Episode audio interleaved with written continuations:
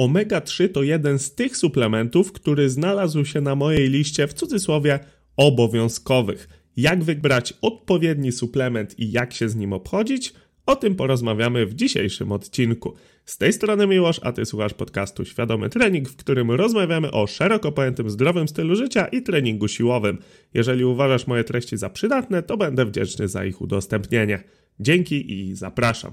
Na wstępie warto sobie powiedzieć, że omega-3 to nie jest jeden związek, tylko grupa związków, do której zaliczają się kwasy ALA, EPA i DHA, z których te dwa ostatnie są dla nas najbardziej interesujące w kontekście zdrowia czy też suplementacji. Kwas ALA co prawda konwertuje do dwóch pozostałych, jednak ta konwersja jest na naprawdę bardzo niskim procencie i tak naprawdę możemy ją sobie w rozważaniach pominąć. Czemu to jest takie ważne? Ponieważ kwas ALA występuje o wiele bardziej powszechnie w pożywieniu niż dwa pozostałe, no a na tych dwóch, jak wspomniałem, chcielibyśmy się skupić i żeby wypełnić z diety normę właśnie na EPA i DHA, powinniśmy spożywać jedną tłustą rybę tygodniowo. No i widzicie, że tutaj z wielu powodów, czy to spora część społeczeństwa z tej normy odpada, po prostu jej nie spełniając i oni właśnie powinni skierować się w kierunku suplementacji. Osoby aktywne fizycznie mają zwiększone zapotrzebowanie właśnie na omega-3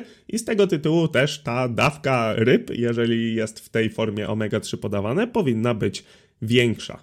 No i właśnie, skoro tak dużo osób powinno suplementować omega-3, to warto by było wiedzieć, jak dobrać odpowiedni suplement. No i pierwsza rzecz właściwie już nam się nasunęła automatycznie, bo jeżeli byłby suplement, w którym byłby tylko kwas ALA, to teoretycznie mógłby on się nazywać omega-3, ale jego wpływ na nasze zdrowie i na to, co chcemy dostarczyć, byłby niewielki. Chyba, że ta mm, podaż kwasów ALA by była jakaś nie wiadomo jaka, ale jeżeli ktoś ucieka się do właśnie wsadzania kwasu ALA, no to raczej nie robi tego z takim zamysłem, żeby rzeczywiście dostarczyć tych innych kwasów tłuszczowych koniec końców, tylko po prostu jest to no dobra, nie chcę powiedzieć wałek, ale nieuczciwa praktyka, ponieważ jak wszyscy wiemy, i ja Wam tutaj przekazuję, właśnie to na EPA i DHA powinniśmy się skupić.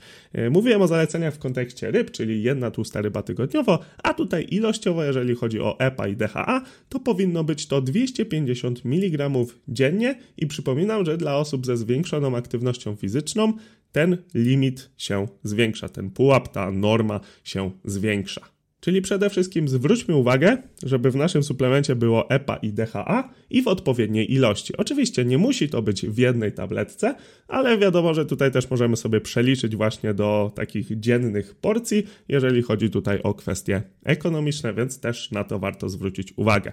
Ale jeżeli chodzi o kwestie inne niż ekonomiczne, to przede wszystkim kwasy tłuszczowe omega-3 są kwasami nienasyconymi, więc nie powinniśmy im dawać zbyt wiele okazji do utlenienia się, bo wtedy mogą być wręcz dla nas szkodliwe. I teraz tutaj takim ekstremalnym przykładem jest olej lniany, który był dosyć popularny właśnie jako suplementacja omega-3, ale trzeba wziąć pod uwagę, że kiedy my już w ogóle powinniśmy go przechowywać cały czas w lotówce, a kiedy już go otworzymy, to powinniśmy go e, spożyć w jak najkrótszym czasie, ponieważ wiadomo, wtedy tlen się dostaje i nad, dochodzi do tego utlenienia. To jest taki ekstremalny przykład, naprawdę z olejem lnianym, jeżeli ktoś suplementuje, no to trzeba jak ze szkłem, nie? Naprawdę trzeba się dobrze obchodzić, żeby to miało sens. No a moim zdaniem Tabletki są wygodniejsze i też wygodniej jest z nich korzystać, ale tutaj też powinniśmy zwrócić na pewne rzeczy uwagę. Po pierwsze, fajnie było, jakby omega-3 było w ciemnym opakowaniu, żeby dostęp promieni słonecznych był albo uniemożliwiony, albo co najmniej utrudniony i żeby właśnie nie dochodziło do utlenienia i też warto trzymać to nie na słońcu gdzieś tam na parapecie, tylko w szafce, żeby dla pewności nie było tego ciepła, nie było tych promieni słonecznych. Kolejna kwestia to wilgoć, czyli jak już otworzymy opakowanie, no to fajnie było, żeby to nie było gdzieś tam w łazience, tylko żeby to było w jakimś suchym i ciemnym, tutaj klasy, klasyka gatunku, jeżeli chodzi o etykiety, przechowywać w suchym i ciemnym miejscu, no i tutaj też to ma jak najbardziej zastosowanie. Kolejny punkt to data ważności. Fajnie by było, jakby suplement był w miarę świeży, nie był pod datą, żeby ta data ważności nie była też zbyt długa, chociaż w sumie nie wiem, czy nie jest jakoś sztywno określona, ale na przykład w piwie można, dobry przykład, piwo omega-3, dobra, nieważne, tak czy inaczej można sobie dobierać różne długości przydatności i prawdopodobnie w suplementach też jest coś podobnego, czyli że można sobie, jest jakiś tam maksymalny termin i można go ewentualnie skrócić, więc zwracajcie na to uwagę. Często jest podany też numer partii, który zawiera właśnie datę zapakowania albo datę ważności, wtedy doczytując możecie dojść do tego, czy suplement jest w miarę świeży. No a właśnie w przypadku akurat omega 3 która właśnie może się utlenić, jest to stosunkowo ważne, więc warto zwrócić na to uwagę, szczególnie jak kupujecie właśnie w sklepie. Wiadomo, facing, czyli najstarsze produkty idą najbliżej, żeby się sprzedały, więc jeżeli kupujecie stacjonarnie, to możecie zwrócić uwagę również na termin przydatności. Kolejna sprawa to czystość i tutaj zdecydowanie w kontekście metali ciężkich.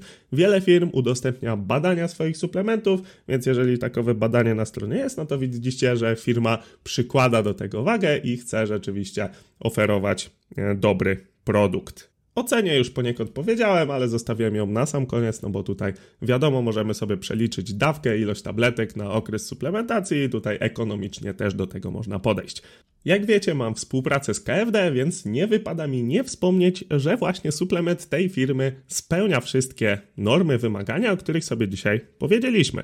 Po pierwsze, na stronie znajdziecie właśnie badania tego suplementu i na zawartość, i na metale ciężkie. Po drugie, mamy ciemne pudełko i wkład przeciwwilgociowy, czyli jest zabezpieczenie przed tym utlenieniem. No i przede wszystkim dawka jest odpowiednia, ponieważ w jednej tabletce mamy aż 550 mg EPA i DHA, czyli widzicie, że więcej niż dzienne zalecane spożycie dla osoby aktywnej fizycznie zdecydowanie spoko i tabletek mamy 90 w opakowaniu, co za na dzisiaj 30 zł daje nam 90 e, tabletek daje nam 33 grosze dziennie, także cena też wydaje się uczciwa. Oczywiście, jako że mam z niej współpracę, to mam też swój kod zniżkowy, świadomy trening, jedyny słuszny oczywiście.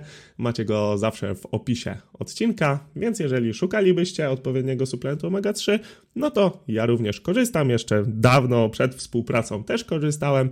Polecam po prostu KFD. A jeżeli chcesz dowiedzieć się więcej o zdrowym odżywianiu, zdrowych nawykach, to zapraszam do mojej książki Świadome Odchudzanie, gdzie na podstawie setek badań naukowych dowiesz się właśnie, jak prowadzić zdrowy tryb życia, ponieważ pomimo tytułu, który mógłby sugerować, że ta książka jest tylko dla odchudzających się, zawarłem tam wszystkie aspekty dotyczące zdrowego stylu życia. I to wszystko, co dzisiaj dla Ciebie miałem. Pamiętaj, że możesz dołożyć cegiełkę do mojej misji edukowania społeczeństwa pod kątem zdrowotno-treningowym, po prostu udostępniając ten odcinek i wystawiając mi jedyną słuszną ocenkę, czyli oczywiście piątkę na Spotify. A jeżeli chcesz wesprzeć finansowo moją twórczość, to przejmę mojego Patronite'a, do którego link znajdziesz w opisie. Dzięki i do usłyszenia.